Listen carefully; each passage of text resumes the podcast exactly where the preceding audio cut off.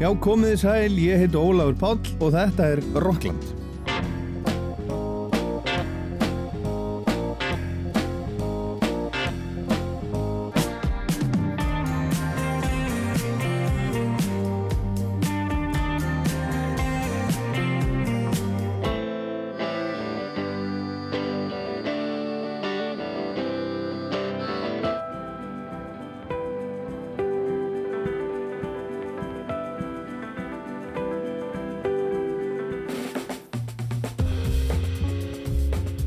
Dylan á plötu ásins í bresku tónlistablöðunum Uncut og Mojo núna í ára auk þess sem platan hans sem heitir Rough and Rowdy Ways kom út síðasta sumar er í öðru sæti á lista Metacritic þar sem öll gaggrinni ásins er tekin saman. Þar er, þar er Fiona Apple á toppnum með Fetsti Bolt Cutter sem ég fellaði mynda fyrir árunu en Dylan er hérna í öðru sæti, gamli Bob Dylan.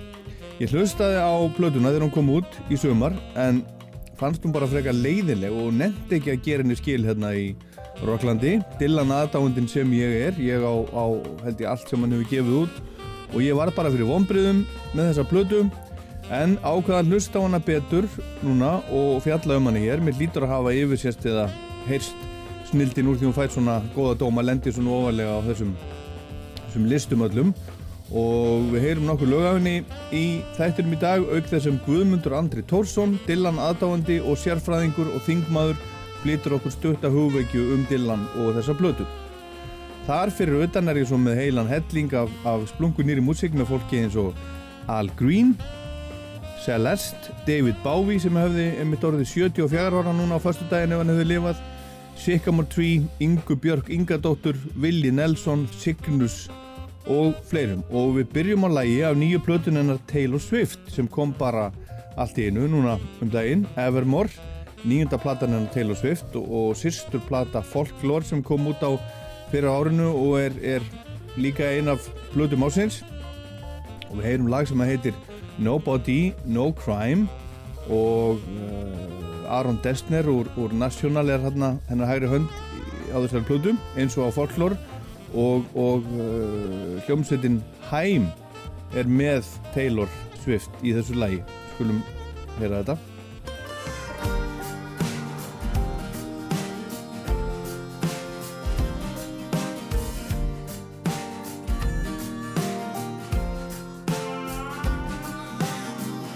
Estes, a friend of mine.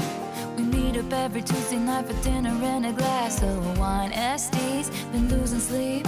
Her husband's acting different and it smells like infidelity. She says that ain't my Merlot on his mouth. That ain't my jewelry on our joint account. No, there ain't no doubt. I think I'm gonna call him out. She says, I think he did it, but I just can't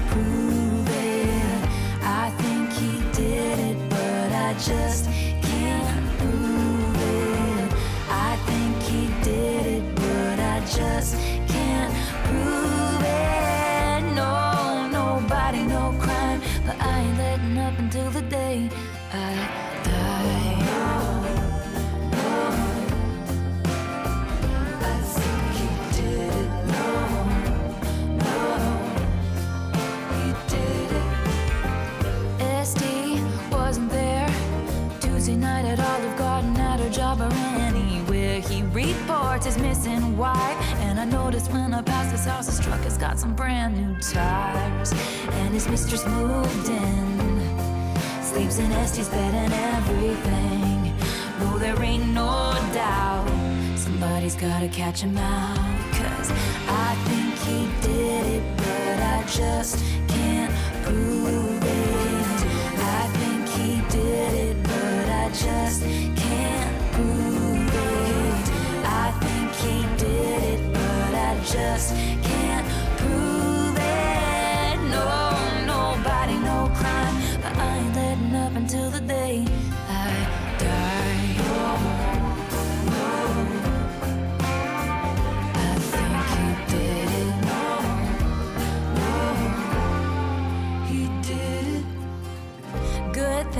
my daddy made me get a boating license when I was 15. And I've cleaned enough houses to know how to cover up a scene. Good thing Estee's sister's gonna swear she was with me. She was with me, dude. Good thing his mistress took out a big life insurance policy. They think she did it, but they just can't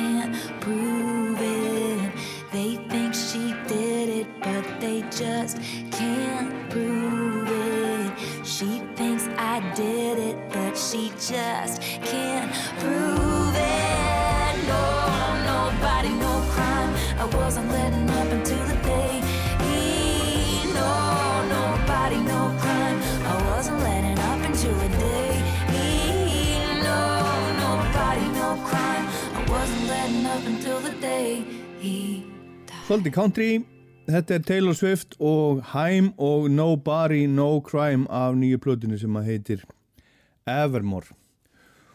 Og meira nýtt, það var að koma út EP-plata á förstu daginn, fimmlaga plata með, með íslensku ljónsettinni Sycamore Tree, hún heitir Western Sessions og hún er komin út á streymisveitur, hún er á Spotify til dæmis og, og, og eh, er að koma, veit ég, á Vínil og uh, þarna eru þau Gunni Hilmas á gítar og Ágústa Eva syngur, Þorleifur Gaugur Davíðsson spilar á, á, á pedalstíl og gítar og munnörpu og Arnar Guðjónsson á gítar og trommur og, og strengi og hljómborð og hann er líka upptökustjóri.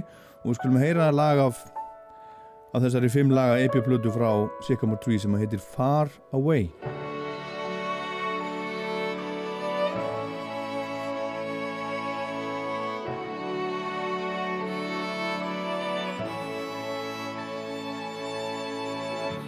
I gonna tell you that you're going on your own? No one there to hold when you see things that you deplore. You're standing on the pavement like a surfer on the shore. Heading to the other side you've never been before. And baby, it's far so far away. I look at you far away. We know that it's so far, far, far away. Now listen to my words and I'll tell you love all the luck is yours. Every day, don't hesitate, just keep smashing down door.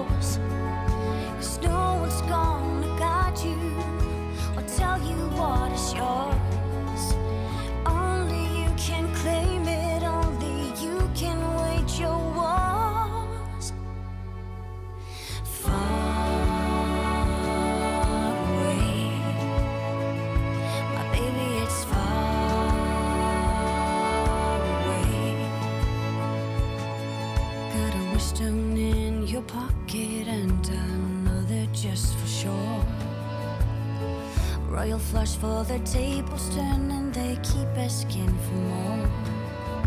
Shadows will surround you, they won't stop, that's for sure. Forever spinning, never ending the story of our call. Look at it from away. No pain is there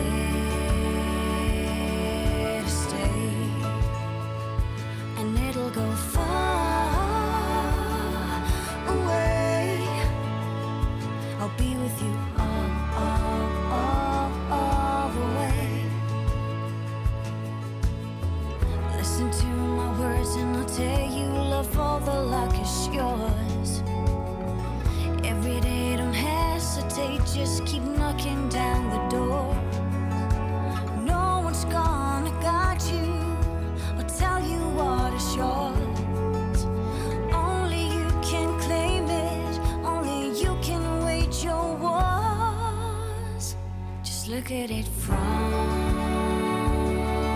away. No pain is there to stay, so it'll be far away. I'll be with you all, all, all, all the way. Reykjavík hlustar á Rockland.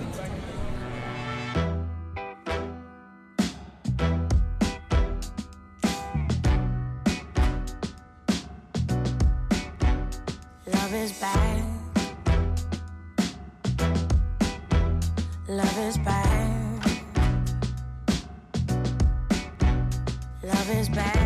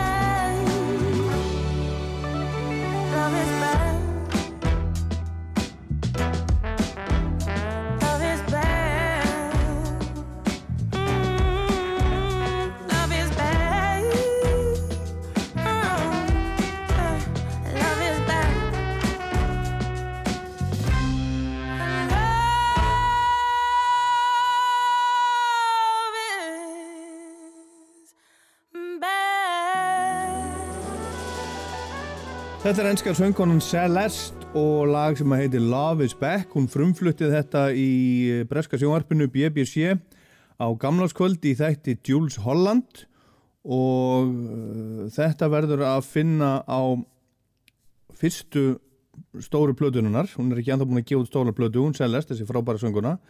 Hún heitir Not Your Muse, kemur úr 20. og 7.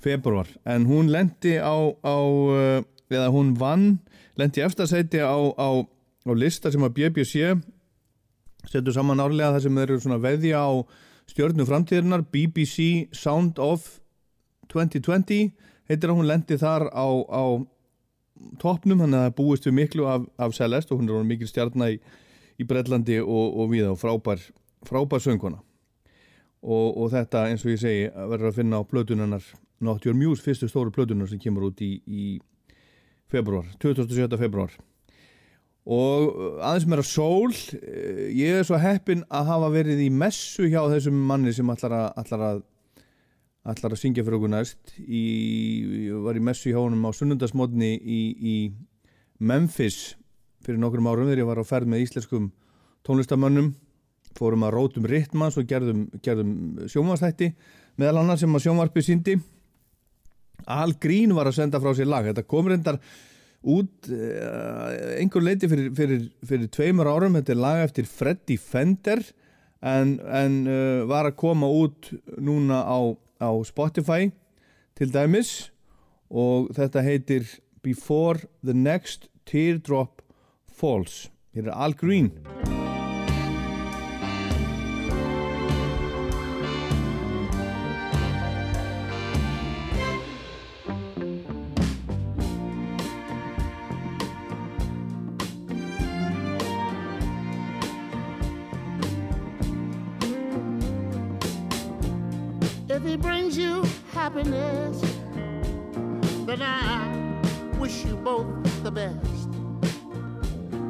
it's happiness that matters most of all.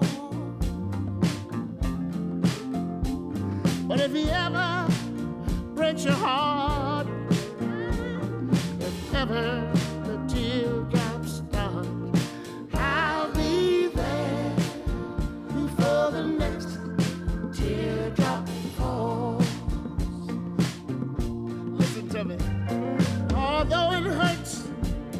let you go, but darling, I want you to know that I'll stand by you if ever you call.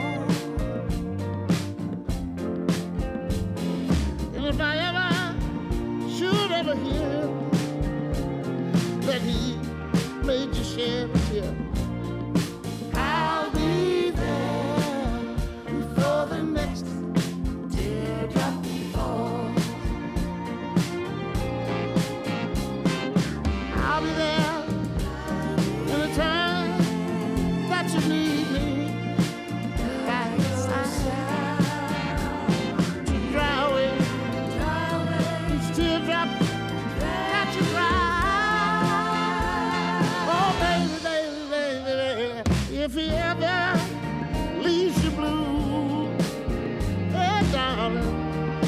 remember I love you. I'll be there before the next teardrop falls.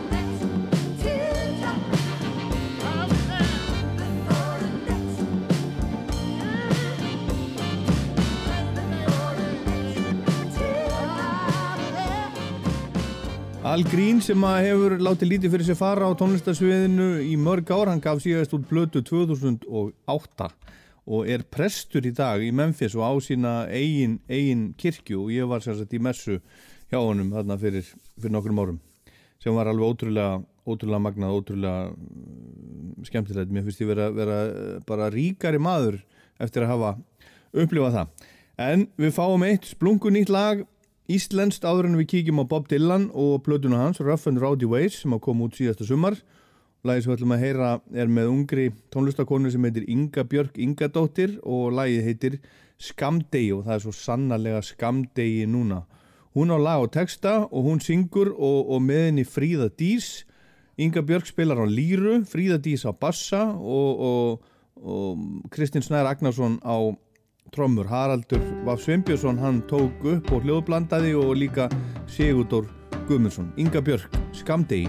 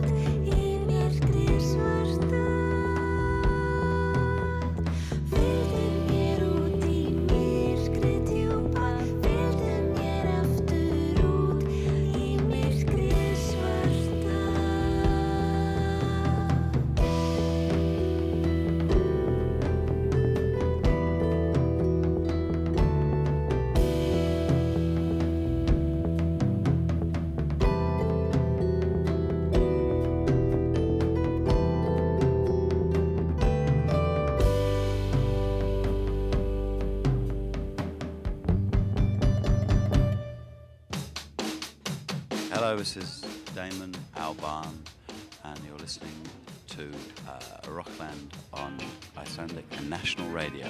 Tack. Það kom mér alveg gríðarlega á óvart að stóru tónlistablöðin Bresku sem ég er áskrifandi að, Mojo og Uncut, skildu bæði setja plötu Bob Dylan í fyrsta sætið í ásuppgjöru sínu núna í janúar hefti bladana, en það er staðrind.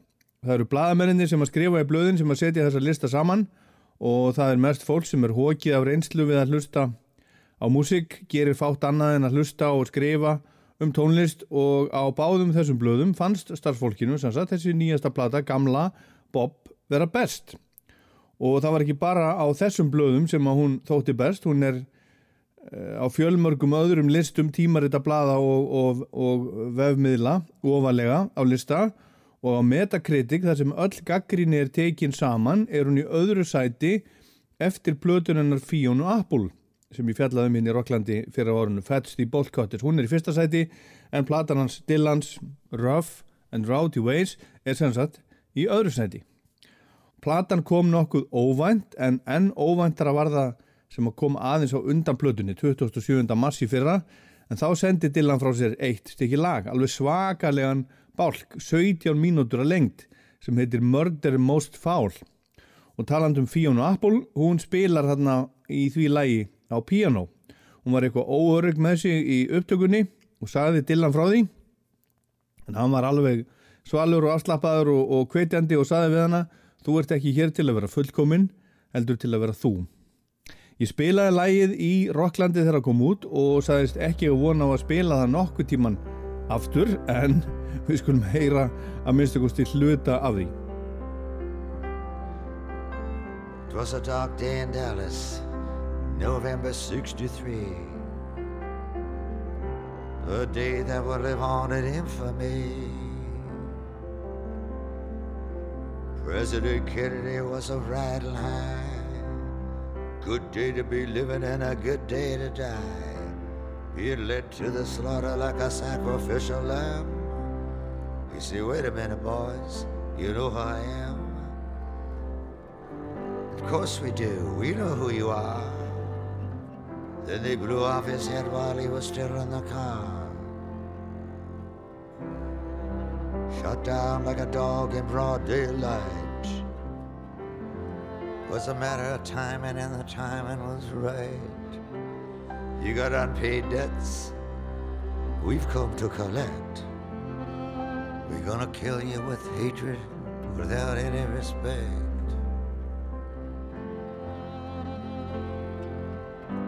We'll mock you and shock you, and we'll grin in your face. We've already got someone here to take your place. The day they blew out the brains of the king, thousands were watching, no one saw a thing. It happened so quickly, so quick by surprise right there in front of everyone's eyes. Greatest magic trick ever under the sun. Perfectly executed, skillfully done. Wolfman, oh wolfman, oh wolfman, how? Rub a dub dub, it's a murder most foul.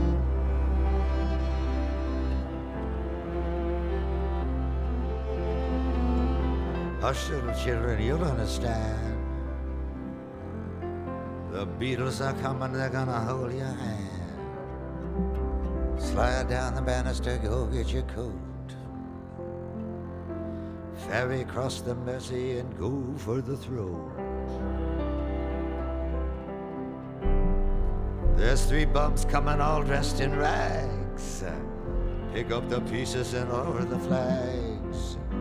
I'm going to Woodstock, it's the Aquarian age. Then I'll go over to Altamont and sit near the stage. Put your head out the window, let the good times roll. There's a party going on behind the grassy knoll. Svona heldur þetta áfram í rúmar 13 mínútur í viðbót, Bob Dylan og langa Murder Most Foul sem hann gaf út öllum óvorum í mars 17 mínútna langloka sem Dylan saði sjálfur að væri gjöf til aðdáðanda sína fyrir góðan stuðning og ást gegnum tíðina. Það er svona dáliðandi stemning í þessu og mér finnst gaman að hlusta á þetta. Mér finnst þetta, þetta gott lag. En hann er þarna að fjalla um morðið á John F. Kennedy og fer svo hingað að þangað í sögu bandarækjana síðustu 100 árin aðalega vittnar í hitt og þetta og, og neymdroppar eins eins og mistari sá mistari sem hann sannarlega er sjálft Nobel skáldið en Murder Most Foul er lína tekin úr Hamlet eftir Shakespeare. Þetta var fyrsta nýja lagi frá Bob Dylan síðan árið 2012 í heil 8 ár sem er langur tími í lífi hvers manns en sérstaklega er hann langur í lífi manns sem er komin yfir sjötugt. Við vitum öll að lífi getur allt í einu styrst í annan endan alveg saman hvað maður er gammal en þegar fólk er árið sjötugt eru meiri líkur á því að að það styttist en þegar maður er tvítugur til dæmis. Bob Dylan er í dag orðin 78 ára gammal og nýja platan hans, Rough and Rowdy Ways, sem kom út í kjölfar Murder Most Foul, er 30. og 9. stóra platan hans. Og hún byrjar á lagi sem að eh, minnir kannski svolítið á, á þetta, þetta langa. Það heitir I Contain Multitudes.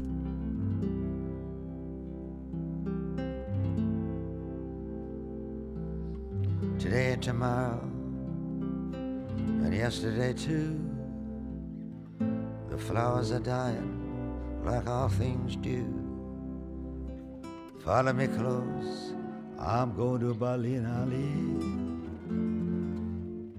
I'll lose my mind if you don't come with me. I fuss with my hair and I fight blood feuds.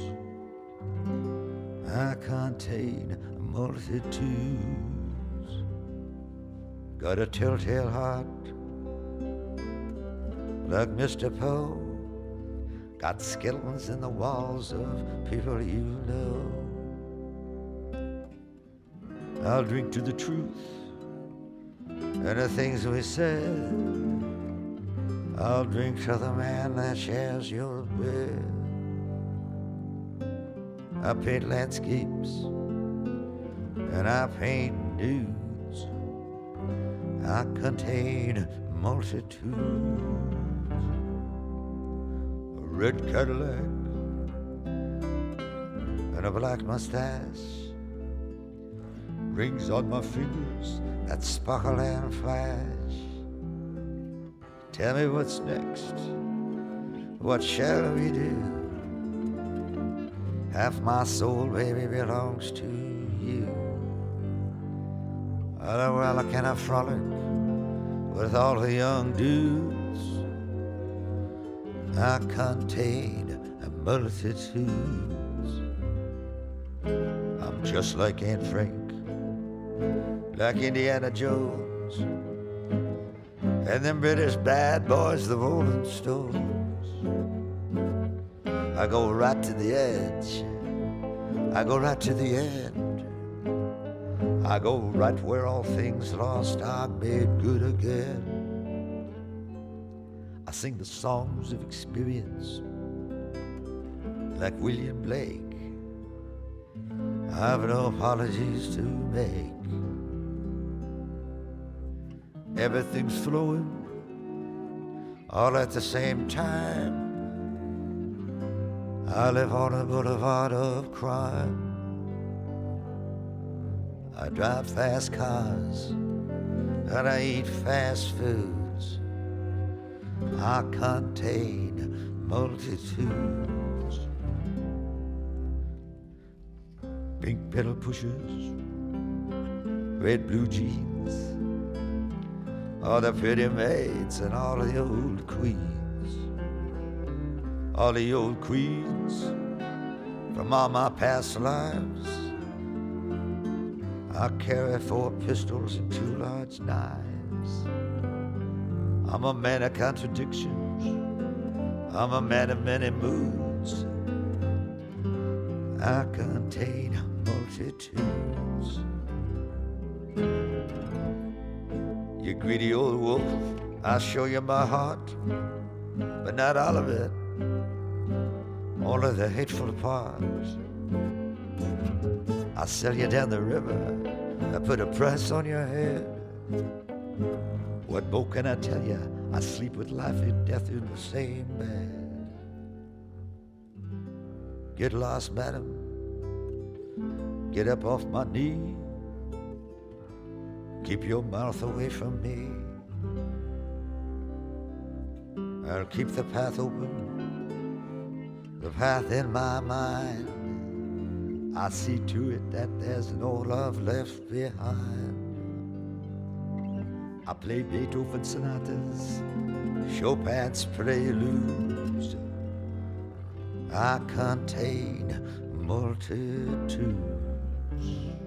I Contain Multitudes, þetta er Bob Dylan og uppháslag Rough and Rowdy Ways, blötuna sem hann sendi frá sér í júni í sumar og er plata ásins að mati bladamanna uh, bladana Mojo og Uncut til dæmis og ofalega á mörgum öru listum. Hún er í fjórðarsæti hjá Rolling Stone hún er í uh, fymtasæti hjá New York Times og Pitchfork sjöttasæti og svo framhengis og langa lagi sem við heyrðum hluta af áðan Murder Most Foul, það er eiginlega svona auka lag á, á plötunni, það er svona uh, ef maður kaupir þetta á diski þá er auka diskur, diskur nummer 2 og þar er það lag eitt og, eitt og sér. Og, og á, á vínilnum þá tekur þetta heila, heila hlið líka en þessi plata hún seldist líka nokkuð vel fór á toppin í Brellandi og breska, uh, breska vinsættalistanum þegar hún kom út og náði öðru sætinu í bandaregjónum og ég er ekki búin að fjallum hana hérna í Rocklandi fyrr, fyrst og fremst vegna þess að mér fannst hún ekki nú skemmtileg. Ég var fyrir vombriðum þegar ég heyrði hana og ég er gamall Dylan aðdáandi, ég á allt sem hann hefur gefið út búin að vera aðdáandi síðan ég var svona cirka 14-15 ára gamall. Hef hlustað á hann heilan helling í gegnum tíðina. Það eru fáir tónlistamenn sem ég hef hlustað á meira heldur en Bob Dylan og ég hlustaði á plötuna og hlustaði svo aftur og mér fannst þetta bara ekki nú skemmtilegt en ákvaði gefinni núna annars Jens og hlusta betur og spila nokkur lögafni hérna í Rocklandi. Við skulum heyra næst lítið lag um ástina. Hann er búin að gera upp huga sinn og ákveða að gefa sig allan. I made up my mind to give myself to you.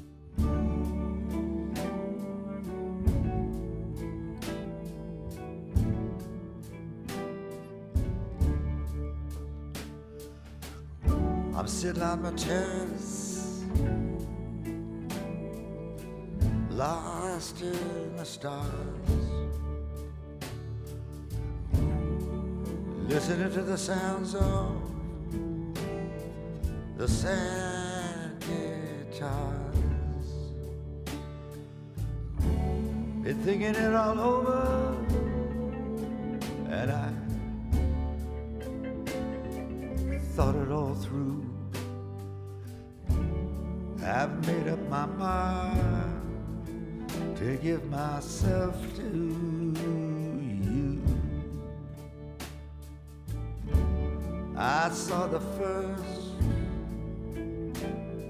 fall of snow.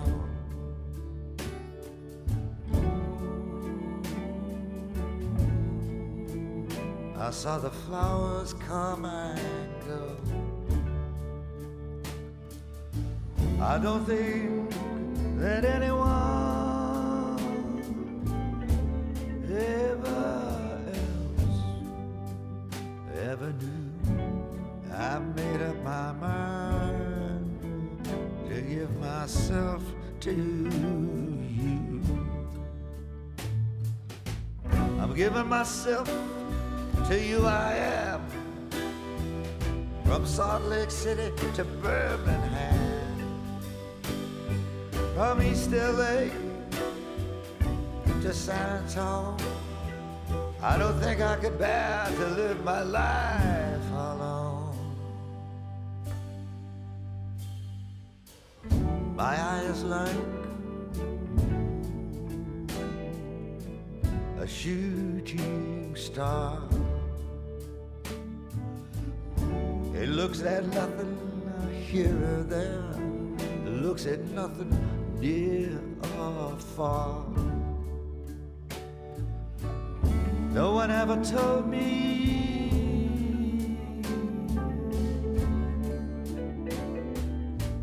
it's just something I knew.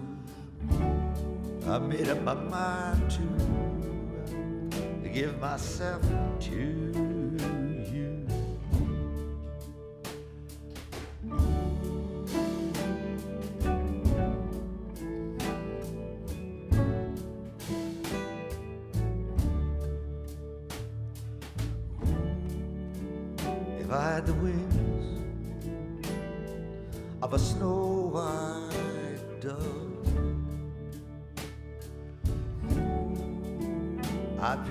gospel,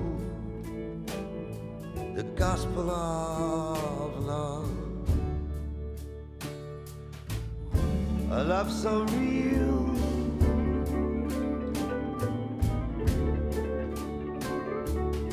A love so true. I've made up my mind to give myself to.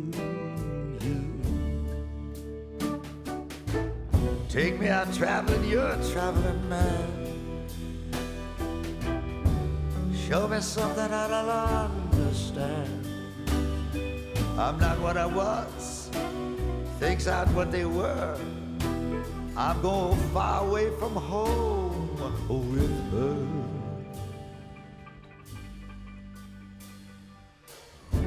I traveled a long road of despair. I met a no other traveler there.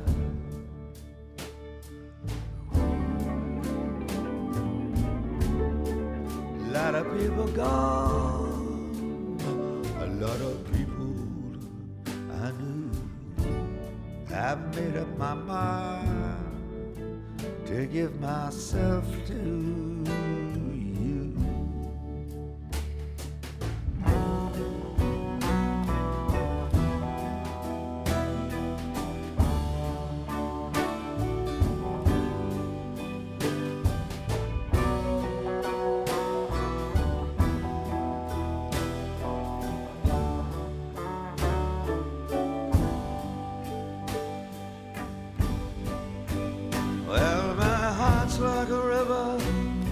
river that sings.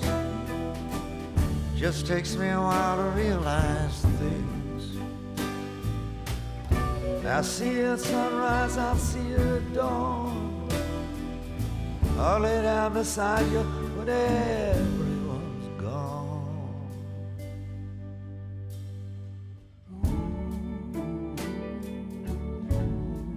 I travel from the mountains to the sea.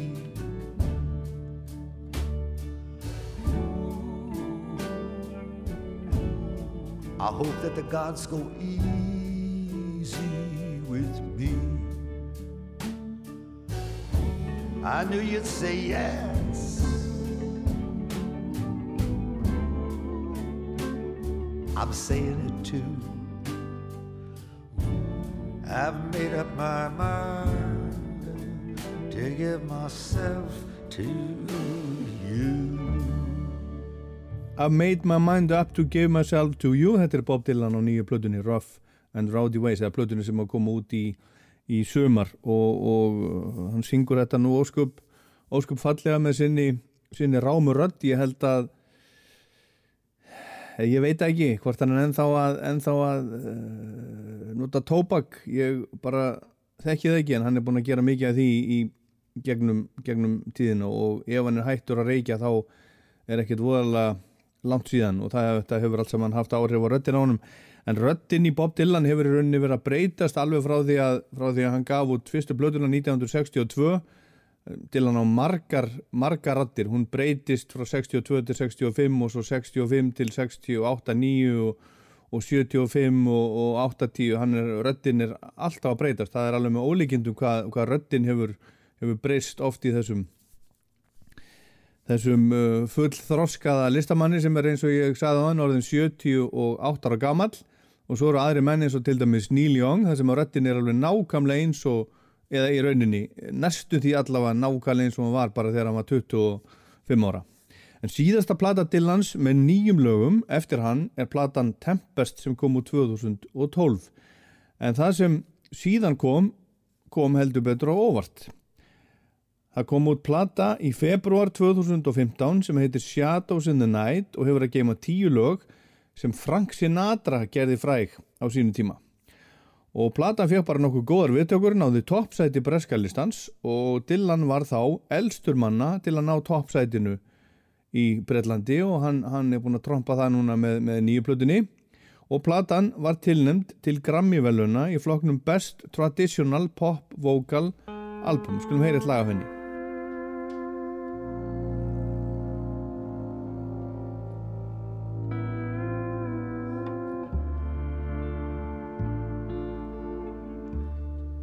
I'm a fool to want you.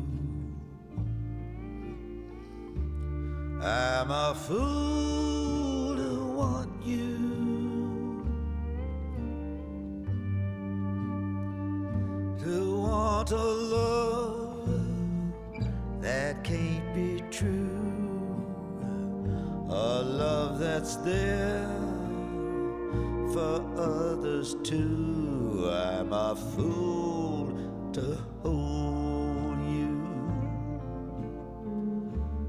Such a fool to hold you, to seek a kiss, not mine alone, to share a kiss that the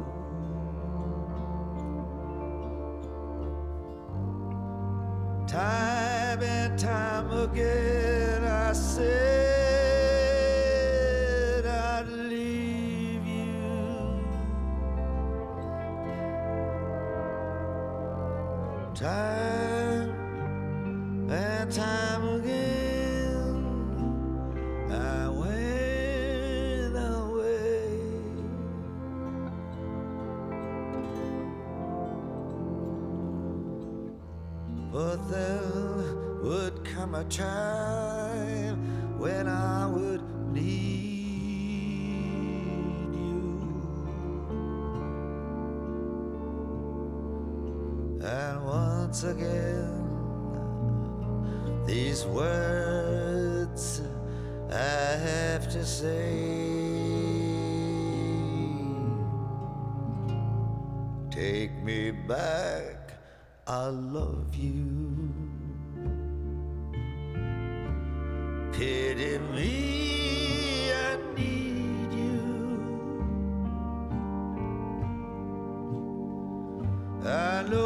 wrong, it must be wrong, but right or wrong,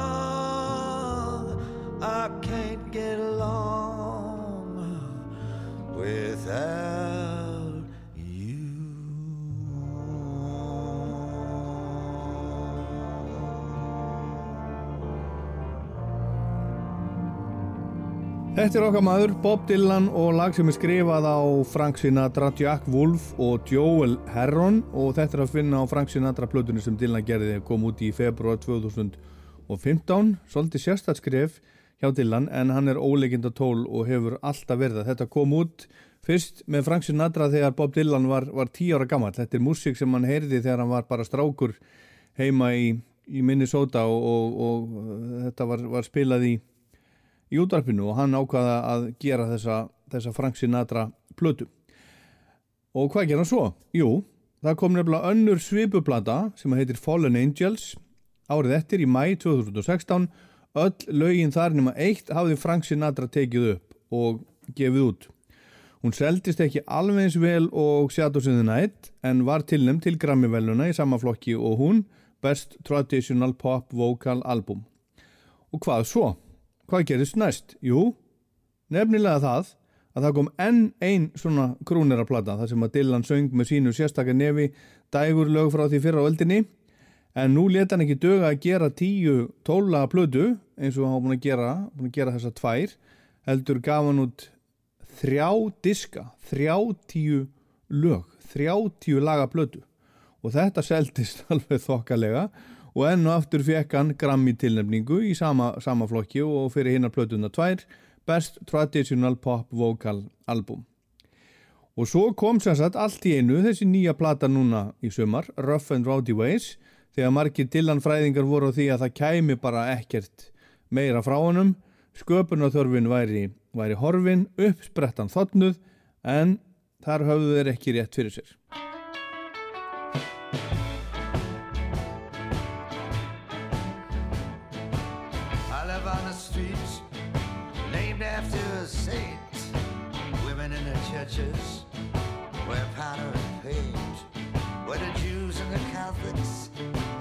Muslims all pray.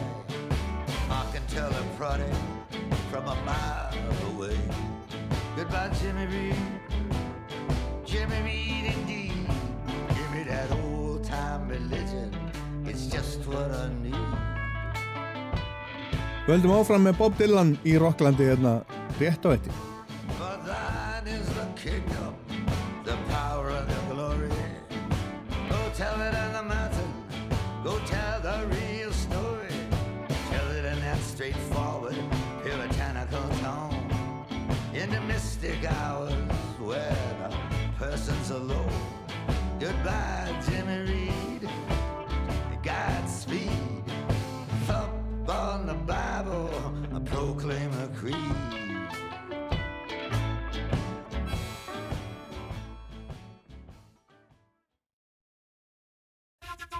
Að hlusta á Rást 2.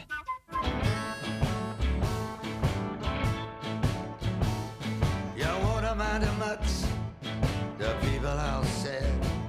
Cause I didn't play guitar behind my head.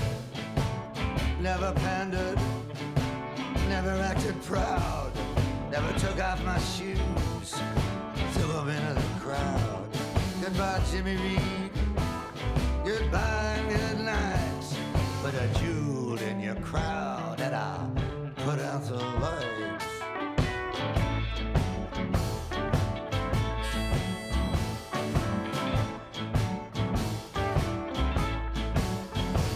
They threw everything at me, everything in the book. I had nothing to fight with but a butcher's hook. They had no pity, a song that I don't understand. Goodbye, Jimmy Reed. Goodbye, good luck. I can't play the record cause my needle got stuck.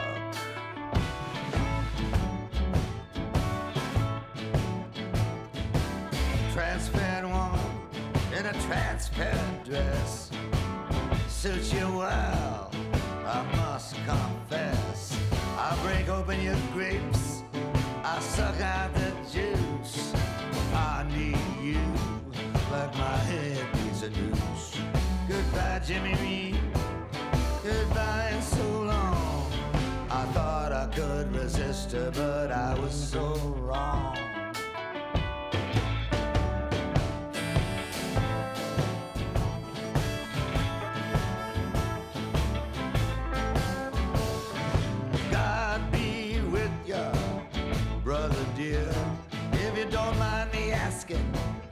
What brings you here? Oh, nothing much.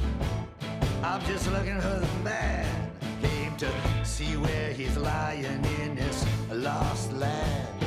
Goodbye, Jimmy Reed, and everything within you.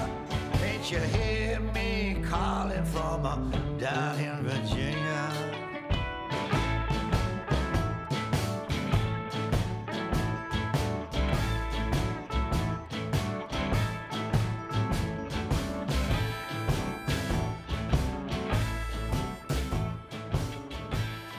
Goodbye Jimmy Reed syngur 78 ára gammal Bob Dylan á nýju plötunni sinni sem er plata ásins hjá bæði Uncut og Mojo og í öðru sæti hjá Metacritic.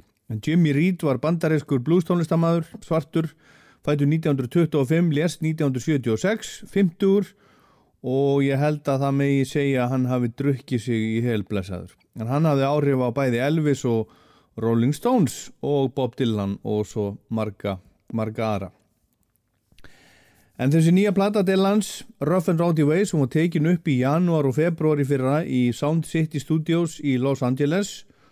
Og með Dylan var bandið hans sem hefur túrað og spila með honum undanfarin ár. En Bob Dylan er búin að vera á í rauninu og endalusu tónleikaferðarlægi undanfarin ár og ára tugi og í bandinu hans eru í dag Tony Garnier á bassa, Matt Chamberlain á trommur og gítalegararnir Charlie Sexton og Bob Britt og svo Donny Herron sem að spila á, á allt mögulegt. En í upptökunum voru fleiri til dæmi skítalegarinn Blake Mills Fiona Apple, Ben Montens úr Heartbreakers bandi Tom Petty og píjónleikari sem heitir Alan Pasco og hefur spilað með mörgum, sagt bara topp mannskapur með honum á þessari þessari blödu og það sem mér finnst best við þessa blödu eru, eru balluðunar, lögin sem að minna á lögin sem að hafa haft áhrif og svo marga aðra sem á eftir Dylan komu Bubba, Megas og Bruce Springsteen til dæmis. Og næsta lag er soliðislag, finnst mér Mother of Muses. Þetta er eins og hálgerður sálmur hér er sungið um sjálfan sköpunarkraftin og ímislegt vera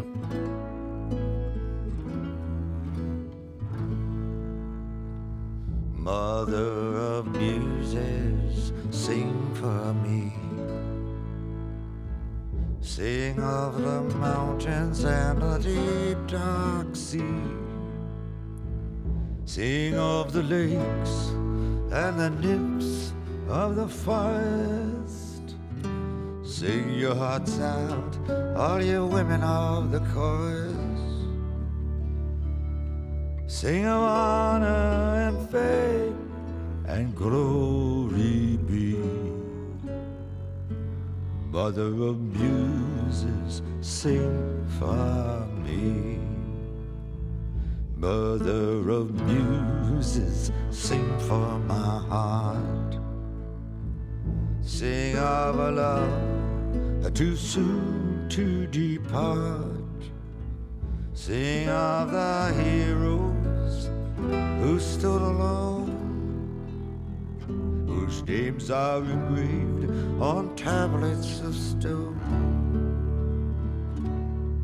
who struggled with pain so the world can go free.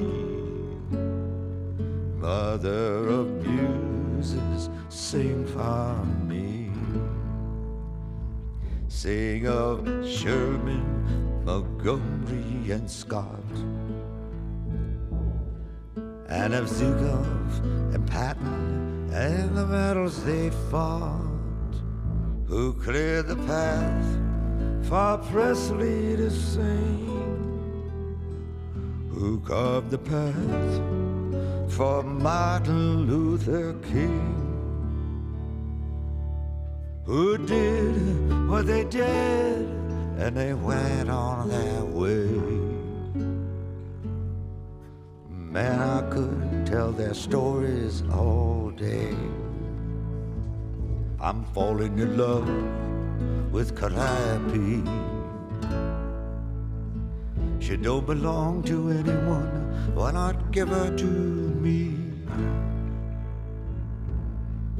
She's speaking to me speaking with her eyes. I've grown so tired of chasing lies. Mother muses, wherever you are, I've already outlived my life by far. Mother of muses, unleash your wrath. Things I can't see, they're blocking my path. Show me your wisdom, tell me my fate. put me upright, make me walk straight. Forge my identity from the inside out. You know what I'm talking about. Take me to the river, release your charms. Let me lay down a while in your sweet loving arms. Wake me, shake me, free me from sin. Make me invisible like the wind. Got a mind to ramble, got a mind to roam. I'm traveling light, and I'm a slow coming home. Þetta finnst mér gott, eitt af bestu lögunum á Rough and Rowdy Ways, nýju plötunni frá Bob Dylan.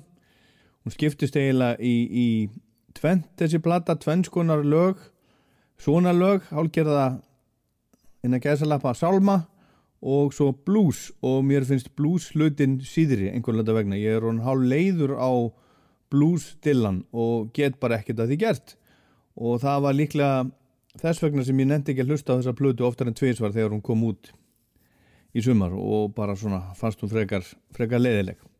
Trommarinn Matt Chamberlain, hann lísti upptökunum með Dylan uh, við það að, að hefur gert það að spila með jazz tónskáldi hann sé alltaf að breyta hlutunum fram á síðustu stundu, það getur allt gerst. Stundum hrundu lögin þegar við vorum að taka upp og þá var til ný og allt önnur útgáfa á staðnum sem síðan var, var tekin upp, hefur hann sagt.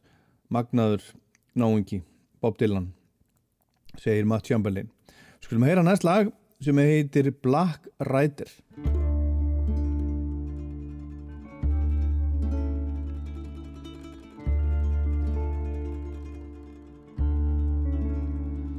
Black rider, black rider, you've been living too hard. Been up all night, have to stay on your guard. The path that you're walking, too narrow to walk. Every step of the way, another stumbling block. The road that you're on, same road that you know just not the same as it was a minute ago.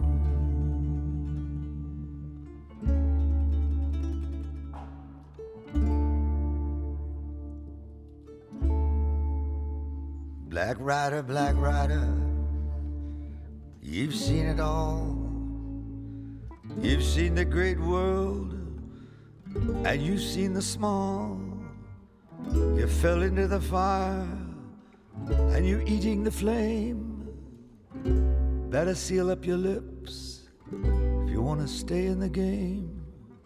Be reasonable, mister. Be honest, be fair. Let all of your earthly thoughts be a prayer.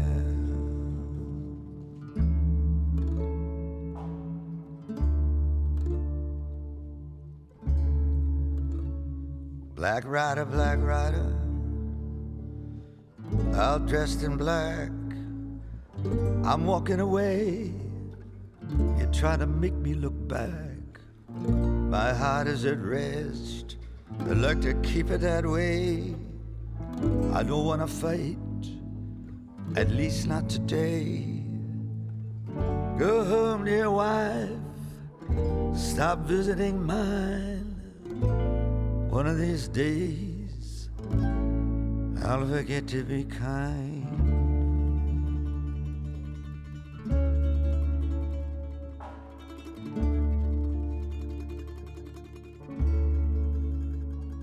Black rider, black rider, tell me when, tell me how. If there ever was a time, then let it be now. Let me go through Open the door. My soul is distressed. My mind is at war. Don't hug me, don't flatter me, don't turn on the charm. I take a sword and hack off your arm.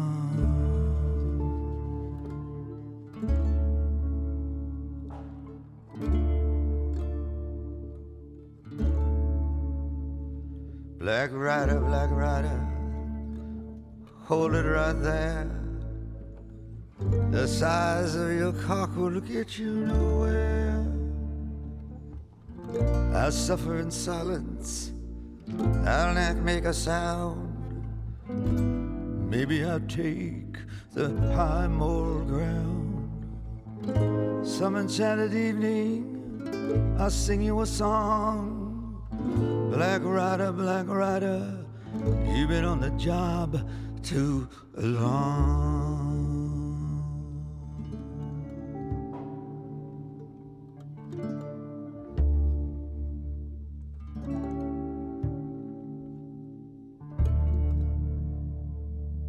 Þetta lag hljómar eins og eitthvað sem gæti hafa komið úr stóru bandarinsku söngvabókinni, eitthvað sem gæti hafa komið út á milli stóru stríðana tveggja en þetta er nýtt lag af nýju plötunans Dylans, Rough and Rowdy Ways þetta er Black Rider og, og það er reyndar eitt þarna sem að sem að eh, kemur í vöð fyrir að það gæti hafa komið út á milli stríðsárunum það er þegar hann segir The size of your cock doesn't get you nowhere. Dylan er, er sérkjænlega náungi, það er ekki djúft í árinni tekið og ég er ekki vissum að nokkur lifandi maður þekki Bob Dylan til lítar, hann er, hann er svona ráðgáta, hann ætlaði aldrei að láta ná í sig vegna Nobelsvelununa sem hann hlaut árið 2016 það var uh, mjög skoplegt allt saman og hann mætti ekki til að veita þeim viðtöku og velunin hlautan fyrir að hafa skapað nýja nálgun innan bandarískara söngva hefðar eitthvað svo leiðis og bara fyrir, fyrir æfistarfsitt og þegar loksist náðust í Dylan uh, til, a, til að tjá sig um velunin þá sagðist hann hafa frekar átt vona á að fá eldingu í hausin en að fá Nobelsvelun og ég held að hann hafi verið alveg að meina það. Ég las uh, æfisögunans í, í fyrra uh, sem að skrifa sjálfur, Chronicles sem Guðmundur Andri Tórsson þýtti alveg lista vel. Og það er skemmtileg bók en svolítið skrítin. Og það sem ég fekk úturinnu var þessi tilfinning að þrátt fyrir allt þetta skrítna sem hefur einkjent líf og feril Dillans þá er hann í raun og veru eitthvað svo ósköp venjulegur bara eins og næsti maður.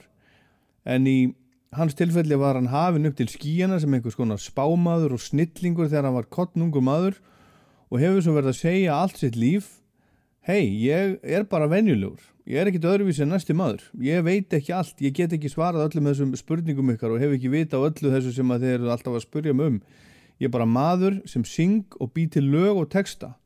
Og hann vill alls ekki láta umganga sig eins og einhvert séni segist bara að vera handversmaður sem búið til lög og texta stundum og ferðist um og syngja fyrir fólk. Skemmti kraftur, engin spámaður eða talsmaður hinna eða, eða, eða þessara. En ég bað Dylan aðdáandan og fræðingin og þingmannin Guðmund Andra Tósson um að senda okkur litla hugleðingu um nýju plötuna Rough and Rowdy Ways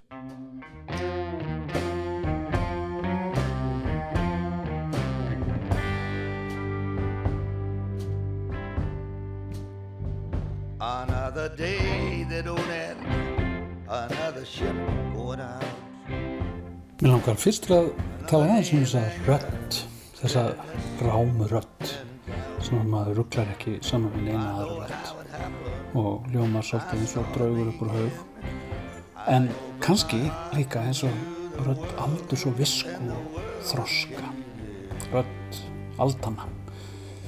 Dylan hefur alltaf hljómað eins og gammal maður, eins og öldungur alveg frá því að hann var að byrja um tvítugt og, og þá hljómaði röttan eins og hann væri gammal maður og þannig hljómar hann náttúrulega enn orðin gammal maður, hann er að verða áttræður. En hún hefur breyst ótrúlega mikið þessi rödd og er algjörlega óþekkjanleg en samt er hann sjálfum sér alltaf líkur. Og með því að hlusta á Dylan gegnum árin þá kannski verður maður einhvers vísari um bara samfélagsþróun. Þetta er útrúlega mögnurödd og, og, og í rauninni blæbriða rík þráttur allt og þó að oft hafi verið, fólk verið að tala um að Dylan hafi ekki verið góðu söngvar í gennum tíðina þá var hann á sínum velmættar dugum bara ef ekki, já bara eitt svo besti ef ekki svo besti söngvari í þessari tegund tónlistar sem við kennum við rockmusík en e, því er ekki neyta að, að nótunum hefur svolítið fækkað sem að barkin leifir að séu sungnar og, og, en þá á gamli maður e, krók og máti bragði því að þá treystir hann meira á þetta sem við kollum fraseringar þar segja áherslutnar á orðin og, og sjálfan háttin eða, eða bræin svona eins og rapparar gera svolítið. E, til hann er náttúrulega ekki rappari en þessi plata liggur samt e, nær hinnu talað á orði og fjær söngnum en, en eldri plötunar hans þetta er svona söngl. Og í klassískri tónlist er mér að segja talað um uh, sprakkesang e, og, og það var Sjöngberg sem, sem innleiti slíkt. Það er eiginlega daldið, svoleiði sem að Dylan er að gera. En taland um klassíska tónlist þá, þá, þá er hann í einu lagi er hann að vísa í klassíska tónlist að þessari plötu og þar finnst mér hún takast afskaplega vel upp við þessa söngl aðferð. Þetta er lag sem að hann tekur tröstataki úr ævintyrum Hoffmanns eftir Offenbach. E, Bargetta sem að leik e, stór hlutverk úr í myndinni La Vite Bella ef að fólk mann eftir þeirri mynd. I've made up my mind to give myself up to you heitir þetta hjá Dylan og þetta er afskaplega fallega sungið. Svona gömul og brotætt rödd og, og innileg og, og, og þessi rödd til hans, hún, ég finnst hún hæfa afskaplega vel balluðum núorðið og mér fannst hún takast vel til upp þegar hann var að syngja allar gömlu amerísku balluðurnar á, á undanföldnum blötum. En já, hann, hann sem sagt tekur tröstataki e, og hefur alltaf gert e, í listsinni hérðan og þaðan og, og það eru, ég held að það séu heilu háskólóteldirnar út í heimi og þönum við að finna allar, allar tilísanirnar hjá honum og, og línutnar sem hann hefur fengið að láni eða, eða tekið, stólið frá alls konar músiköndum og ljóðskáldum hérna og þaðan úr, úr svona vestrætni menningarsögu. Uh, frá Offenbach til Muddy Waters eila uh, hann vinnur með, með, mikið með tvíhendur uh, kúplett sem heita á einsku það er að segja tvær rýmaða línur sem að standa saman og mynda heild. og þessu raðar hann saman og, og hann tekur þetta kannski úr alls konar áttum og alls konar fólk sem er að tala í gegnum munnin á honum. Eh, hann býr til einhvers konar heild þá með því að láta þessa fyrstu personu alltaf hafa orðið, það er alltaf einhver ég sem talar þarna, en þetta er ekki alltaf sami ég. Eh, eina stundina er þetta, er þetta sjálfur, hann sjálfur, svona eins og hann talar, eh, vendalega fyrir sjálfan sig, en, en þá næstu stundina er hann bara orðin einhver allt annar en heldur áhlum að segja ég. Og, og stundum er hann stundum er hann sjálfur skrattin og kannski er hann líka stundum einhvers konar messias lítur sjálfur svo á. Uh, og svo er þetta allt bundið saman með, með stefjum svona eins og I contain multitudes. Í mér býr Aragrúi sem er lína úr fræguljóði eftir þjóðskáld bandrækjamanna Walt Wittmann og það lag það myndar aðra höfuðstóð verksins. E, Dylan verður raunar tíðrætt um þjóðskáld og höfuðskáld og svona helstu kannski listamenn í kanónu vestrætna lista og vestrætna menningar og, og, og, og man, það er svona læðist að minnist á grunur að hans í einhvern veginn að staðsetja sjálfa hansi á e, einhverjum svona ólimps tindi með, með þeim. E, en, en það er líka önnur þjóðskáld sem að kannski njóta ekki svona sömu viðkenningar í, í akademíinni, til dæmis menn er svo Jimmy Reed sem var drikju sjúkur faðir blues grúfsins eins og við þekkjum það í dag eins og það barst inn í rockið á, á sjötta áratug síðustu aldar.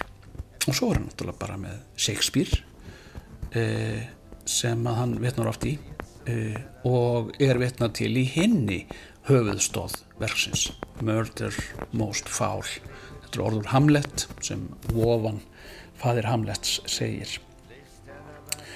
Og í því verki sem að uh, tekur er, er mjög langt uh, þar verður hann þetta snýst smá saman sko, þetta er fyrst eins og frásögn af, af, af þessu voðaverki í Dallas þegar John F. Kennedy var skotinn en svo verður hann hægt og rólega svona eins og særingamadur særingamadur roksins heila næstu eins og galdra loftur að særa upp svona galdra loftur við, við gamlar grafir e, að særa upp og magna upp gamlar vofur roksins og, og annar amerískrar fjaldamenningar síðustu aldar.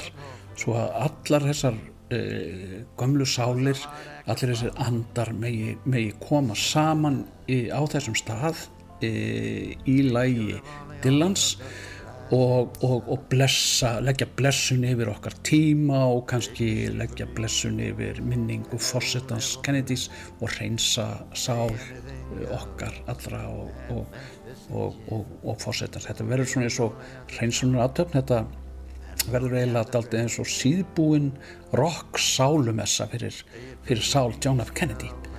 Og þetta er í senn, þetta Murder Most Foul, í, þetta er ansi magnað og svolítið skrítið eins og Dylan hefur svo sem kannski alltaf verið. Play bootlegs and out of And the key to the highway was the king of the heart. Play marching through Georgia and Dunbarton's drums Play darkness and death will come when it comes.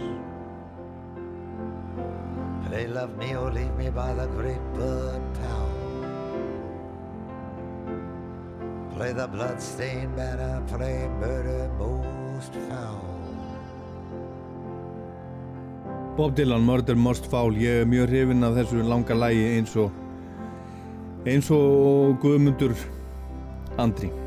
Og já, þökkum Guðmundur Andra fyrir þetta. Þetta var, þetta var mjög, mjög, mjög skemmtilegt.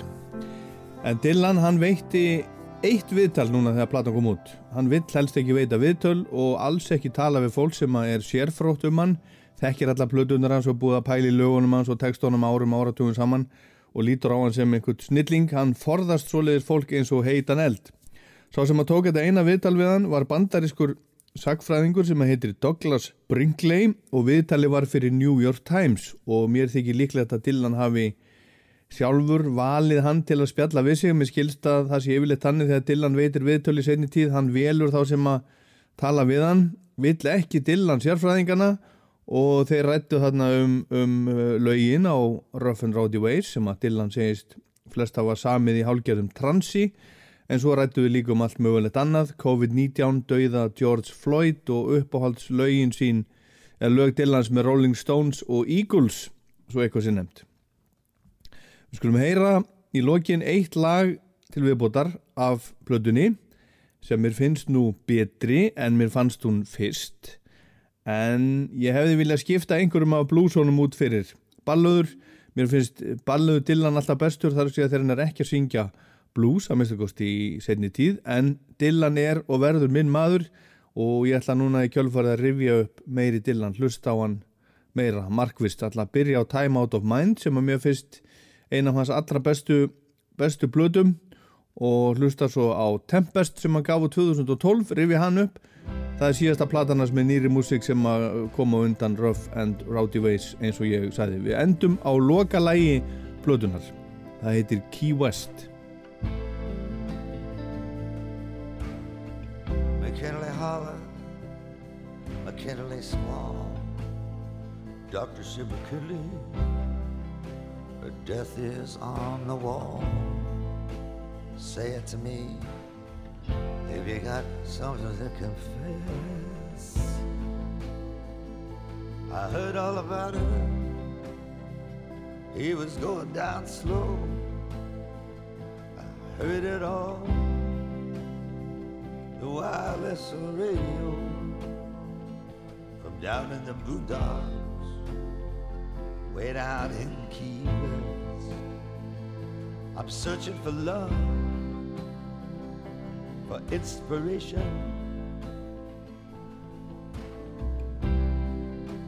On that pirate radio station, coming out of Luxembourg and Budapest. Radio signal, clear as can be. I'm so deep in love that I can hardly see. Down in the flatlands, way down in Key West. Key West is the place to be if you're looking for immortality. Stay on the road, follow the highway sign. Key West is fine and fair. If you lost your mind, you'll find it there. Key West is on the horizon line.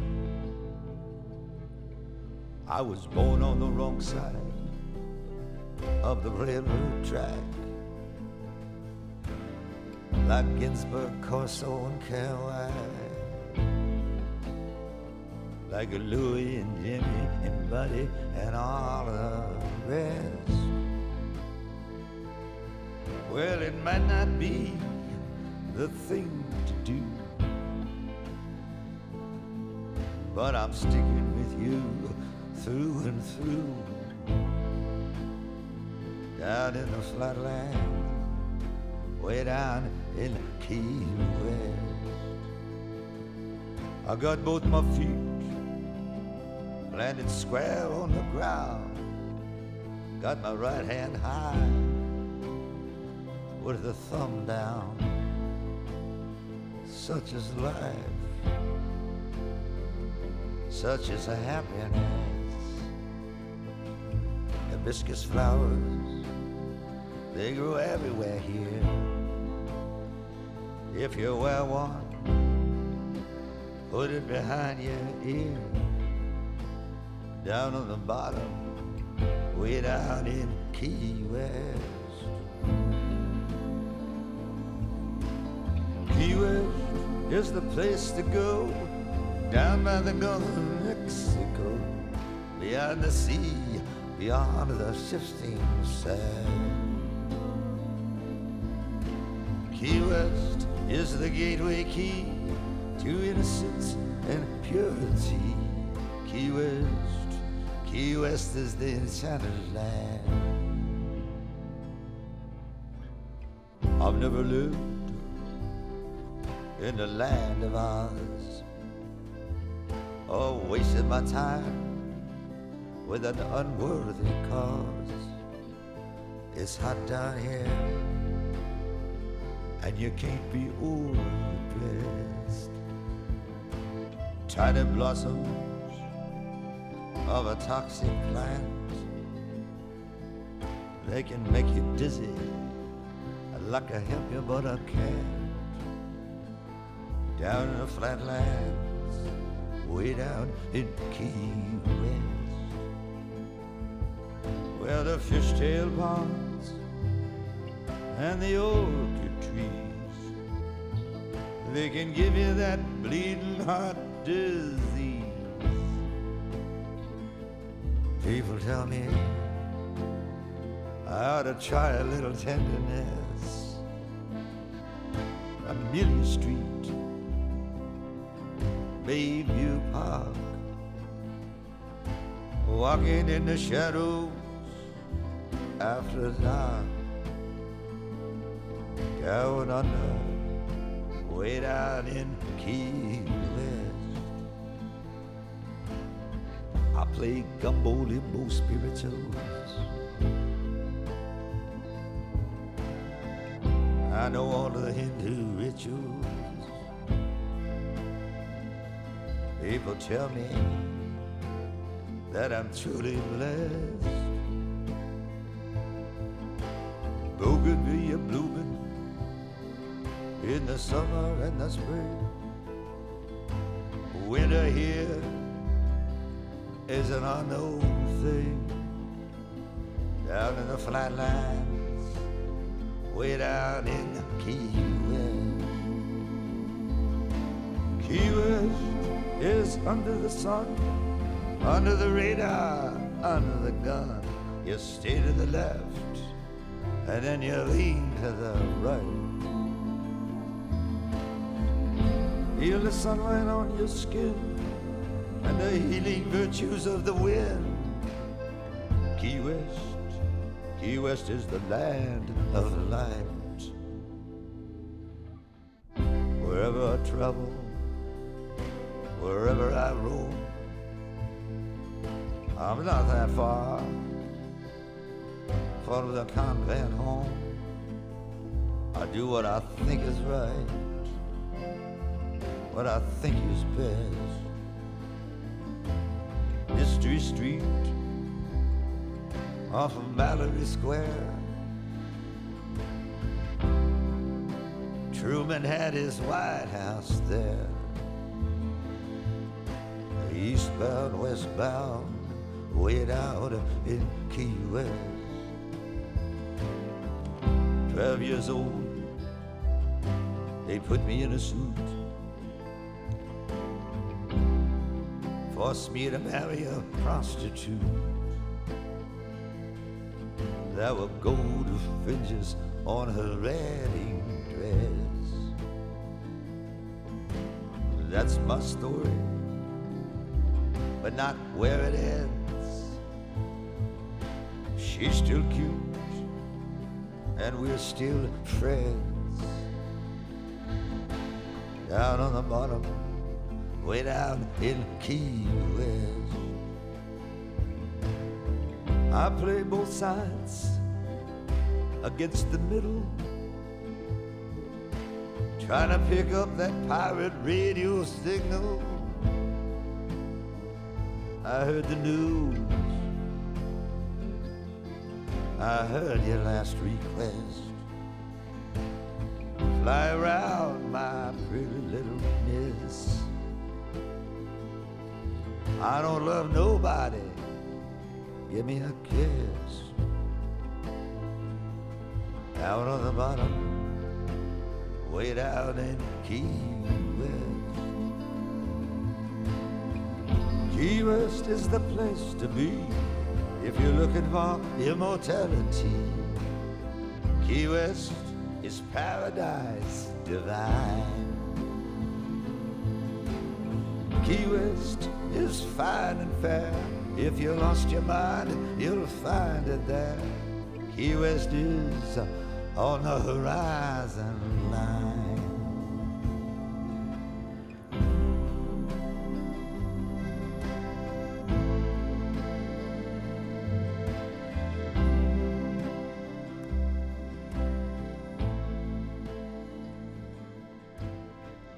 Bob Dylan og Key West.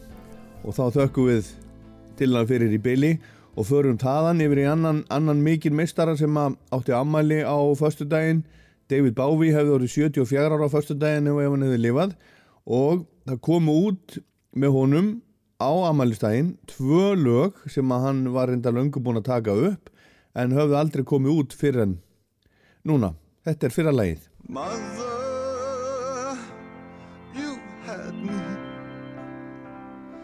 but I never had you.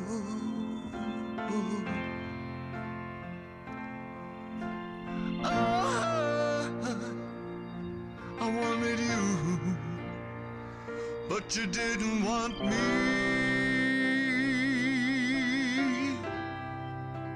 So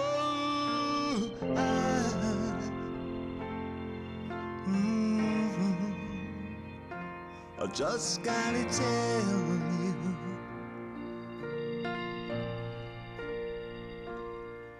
Goodbye.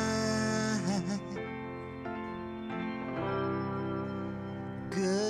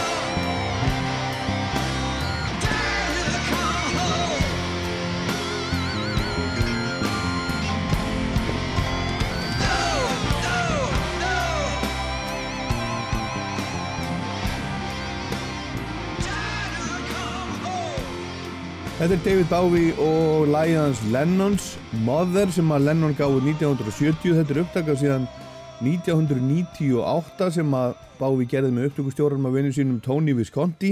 Þetta átti að vera átti að koma út á á Lennon tribute plötu á sinu tíma en, en uh, hún kom aldrei út þessi þessi plata og þetta var að koma út núna í fyrsta skipti á föstudaginn á, á ammælistaginn hans Bowie og það eru tvö lög og hitt lagið er eftir er eftir Bob Dylan. Kom út á plötuna hans 1997 frábæra plötu Time Out of Mind. Og uh, upptakan er frá árinu á eftir líka 1998 eins og, eins og Mother. Og lagið er Trying to Get to Heaven. Og ég ætla að spila það hérna eftir smá stund. Þetta kom út á förstu daginn á sjötommu smáskifu frá Rhino Records. Og það voru að, að skefnar út 8147 plötur, 8147 eintöka þessar plötu, ekki veit ég okkur svo tala var fyrir valinu en þetta er allavega það sem að það sem var gefið út, 8147 og, og 7 og þá voru að haldnir tónleikar svona Bowie tribute tónleikar á netinu, streymist tónleikar á, á föstudaginn sem að píjónuleikarinn hans Mike Garson sem að spilaði með honum alveg frá því að þeir voru að fylgja eftir Siggy Stardust plötunni á svona tíma 1973 og næstu því til döðadags hann, hann uh, skipulaði þetta. Og þarna komu fram meðal annars Trent Reznor, Billy Corgan Adam Lambert, Perry Farrell Joe Elliott, Gavin Rossdale leikarin Gary Oldman Macy Gray, Ian Asbury úr Cult, Peter Frampton Ian Hunter, Anna Calvi Gaylon Dorsey fleiri og fleiri, Duran Duran Boy George, Ricky Gervais Gary Barlow og, og fleiri. Og ég veit ekki hvort þið getið, getið ennþá keift ykkur inn á þetta. Þetta kostaði 25 dollara að, að uh, sagt, horfa á þetta. Og þá má vel vera þessi ennþá hægt að horfa á. Því ég bara hef ekki tjekka á því. En við skulum heyra hitt lagið á hinni hliðin á þessari litlu plötu sem var að koma út með Páfi á fyrstu daginn þetta lag eftir, þetta gamla frábæra lag eftir Dylan En núna í dag, 10. januar, eru nákvæmlega 5 ár frá því að Bávi lest.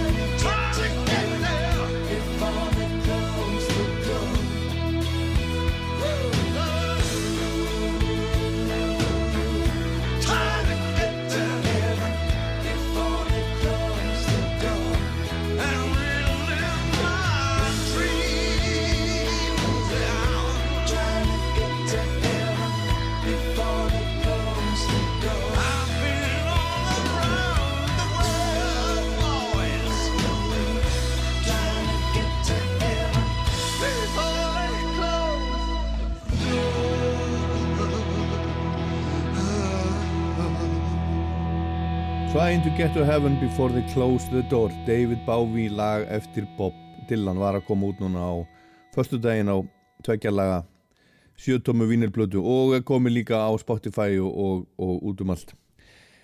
Næst ætlum við að hlusta á nýtt lag frá íslensku tónlistamanni sem að kalla sig Signus, hann heitir Sveinbjörn Hafsteinsson, hann syngur og spilar á kassagítar, Haldur Gunnar Pálsson, fjallabróðir, hann spilar á piano og gítar, Óskar Þormarsson á slagverk, Daði Birgisson, uh, hann var að, að taka þetta upp með Signusi og Friðfinnur Okkjólu Sigursson, hann, hann mixaði lagið, það heitir Glæsibær, Signus. Á kvolfi allur heimurinn og hami geti huga minn ég lítið skýr. Orðin döðfrettur á stöðunni, brátt verðum laus úr snörunni, það byrtir til. Þegar frelsið fær, ég með þér hlæ í glæsi bæ í einni sker um himinn hver. Ég með þér tver. Eftir alla þessa einveru ég lít á mig sem geimveru já andans mann. Í skugga mínum dvelur margt sem betur hefði verið sagt nú á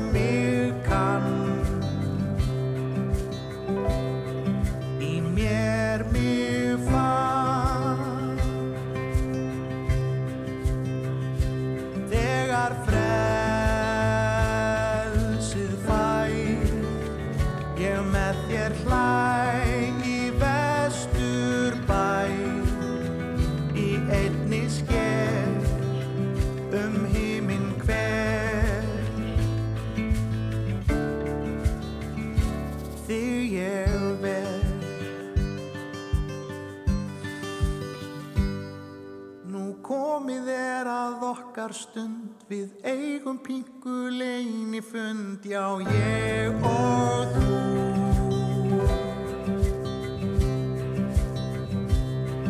Og eftir hérna stöndum við Við fundum okkar innri frið og hjarta brú.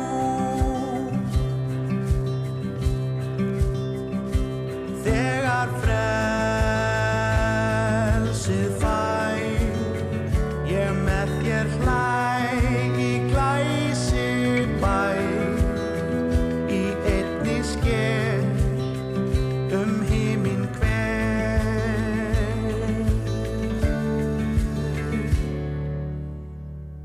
með þér hver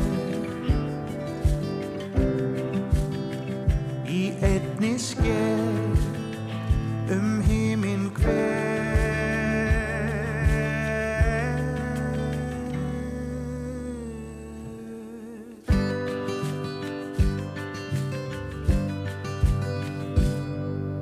Sveinbjörn Hafstensson sem kallar sig Signus og splungunit lag sem að heitir Glæsibær.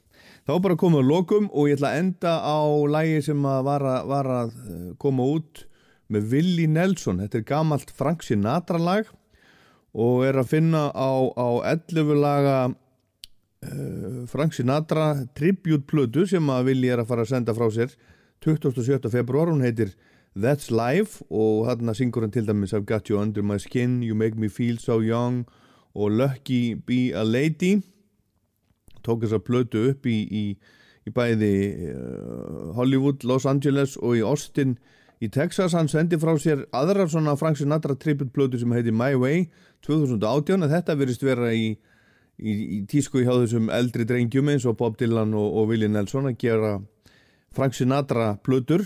Þeir hafa báðir hlustað á hann þegar þeir voru strákar alast upp. Hann var, var einn skærasta popstjarnar heims náttúrulega þegar þeir voru, voru litli strákar og lægið sem ég ætla að enda á heitir Cottage for Sale. Kom fyrst út 1929 og það var margir flutt þetta í gegnum tíðina. Og einn af þeim sem sagt Frank Sinatra á sínu tíma. En ég minna Rockland á netinu, rú.is og í rú spilaranum Rockland podcast á iTunes og, og Spotify. Og svo minni ég líka á Rockland mælur með lagalistan sem er hægt að fylgja hann er á Spotify, finni hann ítið á græna hjartað og þá fylgiði listanum. En þetta var Rockland. Endum á Willi Nelson, Cottage for Sale ég heit Ólafur Páll, takk fyrir að hlusta. Our little dream castle with every dream gone is lonely and silent and the shades are all drawn my heart is heavy as I gaze upon a cottage for sale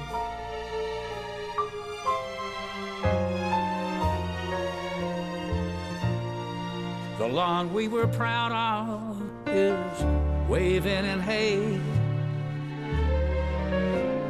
Our beautiful garden has withered away. Where you planted roses, the weeds seem to say, a cottage for sale.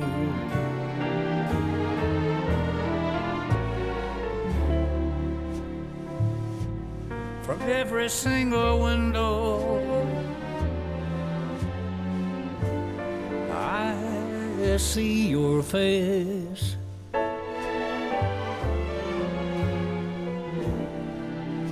But when I reach the window,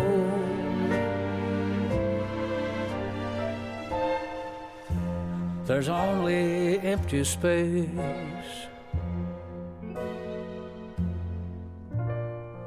The keys in the mailbox, the same as before.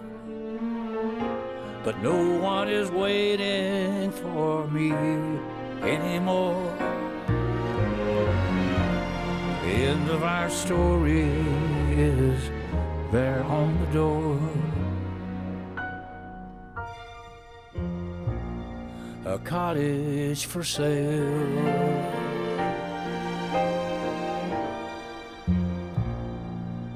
A cottage for sale.